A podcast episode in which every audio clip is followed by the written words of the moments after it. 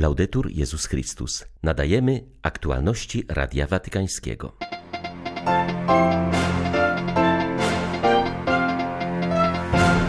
Papież przyznaje, że z powodów zdrowotnych nie może na razie udać się na Ukrainę. Zapewnia, że jest w stałym kontakcie telefonicznym i robi wszystko, co w jego mocy, aby zaradzić tragicznej sytuacji tego kraju. Benedykt XVI przypomina o aktualności duchowego dziedzictwa XII-wiecznego włoskiego mistyka Joachima Sfiore. W Wielkiej Brytanii rozpoczęła się peregrinacja relikwii świętej Bernadety. 6 września witają Państwa ksiądz Krzysztof Ołdakowski i Krzysztof Brąk. Zapraszamy na serwis informacyjny. Papież Franciszek udzielił obszernego wywiadu portugalskiej stacji telewizyjnej, który został w całości wyemitowany wczoraj wieczorem. Wśród głównych tematów znalazły się przyszłoroczne Światowe Dni Młodzieży, wojna na Ukrainie, oraz przypadki nadużyć seksualnych w przestrzeni kościelnej. Na pytanie o ewentualną podróż do Kijowa odwołuje się do rady udzielonej mu w ostatnich dniach przez lekarza w kontekście trudności w podróżowaniu do czasu zaplanowanej na połowę września wizyty w Kazachstanie. To jest w powietrzu, jeszcze nie wiem. Prowadzę z nimi dialog. Teraz nie mogę jechać, bo po wyjeździe do Kanady ucierpiała regeneracja kolana i lekarz powiedział mi: Nie, do czasu wyjazdu do Kazachstanu nie można jechać. Ale jestem w kontakcie telefonicznie i robię co mogę. I proszę każdego o zrobienie tego, co możliwe Wszyscy razem możemy coś zrobić. Sytuacja jest jednak tragiczna. W wywiadzie padły bardzo mocne słowa o nadużyciach w kościele, które Franciszek nazwał wprost potwornością, wobec której musi obowiązywać zasada zero tolerancji. Kultura nadużyć jest niestety powszechna. Nawet filmy pornograficzne, gdzie filmowane jest znęcanie się nad dziećmi. Nasza kultura jest kulturą nadużycia. Tak więc mówiąc o nadużyciach, powiedziałbym, że musimy po pierwsze mieć ten całościowy ogląd. Po drugie, starać się nie ukrywać spraw, bo w niektórych sferach, na przykład w rodzinie, mamy tendencję do tuszowania, a po trzecie spójrzmy na procent, który odnosi się do nas i zajmijmy się nim. Padają pytania typu, czy to nie z powodu celibatu? Celibat nie ma z tym nic wspólnego. Nadużycie jest rzeczą destrukcyjną, po ludzku diaboliczną, bo w rodzinach nie ma celibatu, ale czasem to się zdarza. To jest po prostu potworność ze strony mężczyzny lub kobiety Kościoła, którzy są chorzy psychicznie albo nikczemni i wykorzystują swoją pozycję dla osobistej satysfakcji. To jest diabelskie. Ojciec Święty kieruje swoje spojrzenie także na młodych i kolejne Światowe Dni Młodzieży w Lizbonie w lecie przyszłego roku. Żartując zapewnia, że papież będzie na nich obecny albo on, albo Jan XXIV. Franciszek uważa, że te wydarzenia uniwersalizują młodzież, uświadamiają jej, że pomimo różnic mają wspólne pragnienia i tęsknoty. Papież Franciszek mianował arcybiskupa Waldemara Zomertaga nuncjuszem apostolskim w kilku krajach afrykańskich w Senegalu, w Republice Zielonego Przylądka, w Gwinei Bissau oraz Mauretanii. Arcybiskup Zomertak ma 54 lata, pochodzi z diecezji pelplińskiej. Od roku 2018 pełnił funkcję nuncjusza apostolskiego w Nikaragui, ale 6 marca tego roku pod wpływem silnych nacisków politycznych ze strony reżimu Daniela Ortegi i Rosario Murillo został zmuszony do opuszczenia kraju. To przykre, że liturgia stała się przyczyną podziałów. Najlepszą na to reakcją jest przede wszystkim modlitwa, aby Pan dał nam swój pokój i abyśmy potrafili wzajemnie się słuchać i prowadzić dialog, powiedział po audiencji u papieża nowy opat benedyktynów Solem, ojciec Geoffroy. Opactwo to odegrało kluczową rolę w przedsoborowej odnowie liturgii monastycznej i chorału gregoriańskiego. Do kongregacji solemeńskiej należą dziś 32 klasztory. Wiele z nich sprawuje liturgię według starego mszału. Ojciec Kemelin podkreśla, że pomimo rozbieżności w postrzeganiu liturgii, relacje między różnymi benedyktyńskimi klasztorami są bardzo dobre i braterskie. Trzeba jednak ze sobą rozmawiać, starać się zrozumieć pozycje innych. Niezbędne jest także wsłuchanie się w ojcowski głos papieża, w to, czego od nas oczekuje, nawet jeśli go nie rozumiemy, czy się z nim nie zgadzamy, dodał opat francuskiej kongregacji benedyktynów. Przyznał zarazem, że dla niego audiencja u Franciszka była przede wszystkim silnym doświadczeniem jego ojcostwa. Ojciec Kelemę przypomina, że samo opactwo w Solem od samego początku starało się jak najlepiej przyjąć soborową reformę liturgii. Zachowano przy tym łacinę, bo sobór uznał ją za język liturgiczny, a także chorał gregoriański. Chorał gregoriański może doprowadzić współczesnego człowieka do korzeni. Ojciec Święty powiedział mi przed chwilą, że tradycja to coś żywego. Mówił też o tym Benedykt XVI. Tradycja to nie skrzynka wypełniona starymi przedmiotami. Tradycja jest żywa. I w naszej rozmowie Franciszek posłużył się obrazem drzewa, które wzrasta tylko wtedy, gdy ma głębokie korzenie. To drzewo rozwija się w każdej epoce, bo jest ono żywe i zakorzenione.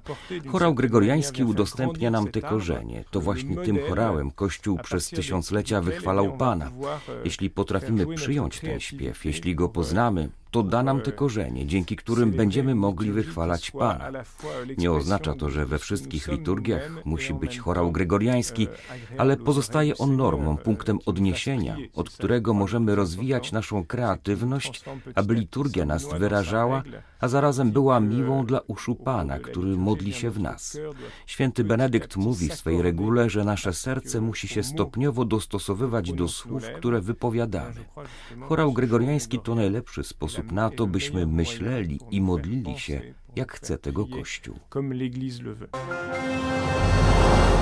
Benedykt XVI napisał list, w którym podkreśla aktualność duchowego dziedzictwa dwunastowiecznego włoskiego mistyka Joachima Sfiore. Papież senior pisze o tym do Międzynarodowego Centrum Studiów Joachimskich, które wydało właśnie krytyczne opracowanie pism tego cystersa należącego do jednego z ulubionych autorów papieża Franciszka. W liście skierowanym na ręce dyrektora centrum papież senior z uznaniem wyraża się na temat rozwoju badań nad życiem i dziedzictwem tego kalabryjskiego opata, którego postać zachęca do zastanowienia się nad odwiecznymi wartościami życia według rad ewangelicznych.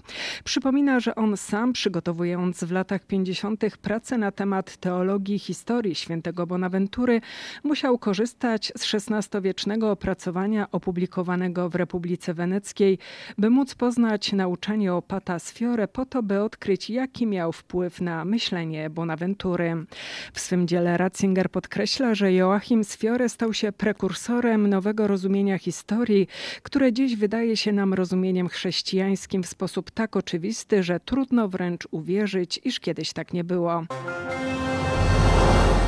Wczoraj w mieście Kurachowe w owodzie donieckim rosyjskie wojska zniszczyły gimnazjum. Armia rosyjska, która chce uchodzić za siłę wyzwoleńczą regionu, zrujnowała tam już 274 placówki edukacyjne. Módlcie się za Ukrainę, aby Bóg wstrzymał zabójczą rękę agresora i uleczył rany naszego cierpiącego narodu, prosił w swoim orędziu arcybiskup Światosław Szewczuk. Hierarcha kontynuował rozważania nad społeczną nauką Kościoła, oparł się tu na specjalnym dokumencie, jaki został wydany przez jego kościół 20 lat temu. Dzisiaj zajął się drugim punktem tekstu. Ten drugi punkt mówi następująco: Szanuję swoje ciało jak świątynię Ducha Świętego. Bardzo głęboko i wymownie brzmią te słowa w warunkach wojny, kiedy każdego dnia widzimy śmierć.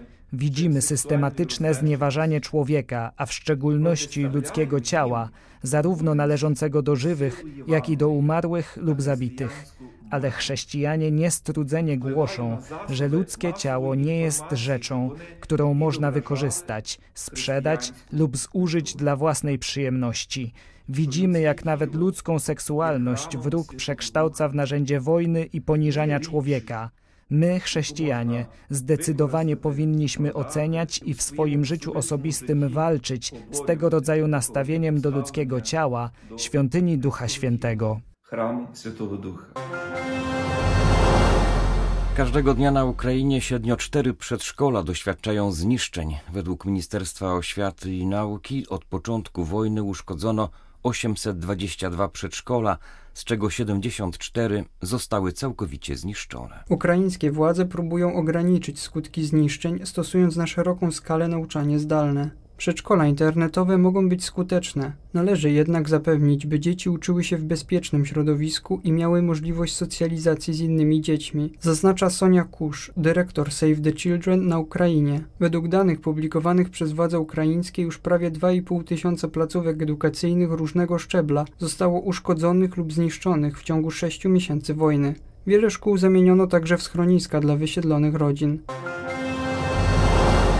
Zdecydowaną większością głosów chilijskie społeczeństwo odrzuciło projekt nowej konstytucji lansowanej przez lewicowego prezydenta Gabriela Borisa. Nowy dokument promował prawo do swobodnej i nieograniczonej aborcji, zgodę na eutanazję, nauczanie w szkołach ideologii gender i LGBT, a także odbierał rodzicom prawo do decydowania o edukacji swoich dzieci. Na ten dyktat kulturowy i zamach na wolność sumienia Yeah. Chilijczycy powiedzieli zdecydowane nie. Nowa ustawa zasadnicza była lobbowana m.in. przez ONZ-owskie instytucje, a lewackie media okrzyknęły ją najbardziej postępową konstytucją świata. Doszło też do ingerencji amerykańskich demokratów, którzy popierając ten rewolucyjny dokument, poprosili administratorów Facebooka, Twittera i TikToka o ocenzurowanie zwolenników odrzucenia tekstu konstytucji.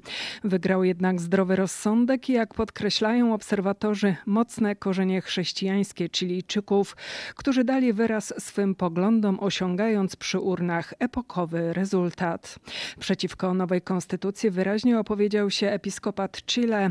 Już wcześniej biskupi wypunktowali najbardziej zaskakujące zapisy nowej konstytucji, podkreślając, że ma ona wyraźnie antychrześcijański charakter.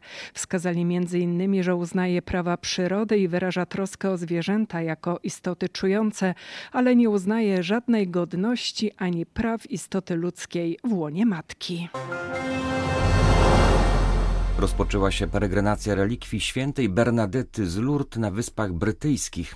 Jak stwierdził biskup Mark Davis, jest to okazja, by na nowo odkryć powszechne powołanie do świętości. Ordynariusz diecezji Shrewsbury podkreślił, że wszelkie nauczanie Kościoła, powierzone mu sakramenty, a także jego dyscyplina są po to, aby doprowadzić nas do świętości, która ostatecznie realizuje się w wejściu do nieba. Biskup zwrócił ponadto uwagę na wyjątkową rolę kultu relikwii na ziemiach brytyjskich. Myślę o tym, jak relikwie były częścią pierwszej ewangelizacji naszego kraju i jak towarzyszyły rozkwitowi chrześcijańskiej i katolickiej Anglii, której budziły w ludziach tęsknotę za świętością i jednocześnie dawały poczucie łączności, które w wyznaniu wiary jest nazywane świętych obcowaniem. Peregrinacja rozpoczęła się od archidiecezji westminsterskiej i obejmie wszystkie diecezje w Anglii, Walii i Szkocji. Gdyby politycy usłyszeli Słowo Boże wzywające ich do służby ojczyźnie, upomniałyby ich sumienia za tragiczny stan, w jaki wrzucili oni libański naród powiedział patriarcha maronicki kardynał Beszararaj. W ostatnich dniach przeprowadzane są liczne strajki w sektorze publicznym, trwają też konflikty między różnymi ugrupowaniami politycznymi, a równocześnie brakuje wyraźnej woli znalezienia drogi wyjścia z gospodarczej zapaści. Kraj jest w tak ciężkiej sytuacji, że 85% rodzin bez wsparcia nie może godnie przeżyć nawet miesiąca. Coraz więcej ludzi decyduje się na emigrację. Zwierzchnik najliczniejszego kościoła w Libanie zachęcił jednak, aby przy tym wszystkim nie tracić nadziei w moc Boga, dotykającą sumień, rozpalającą umysły i wzbudzającą nawrócenie w sercach. Były to aktualności Radia Watykańskiego. Laudetur Jezus Chrystus.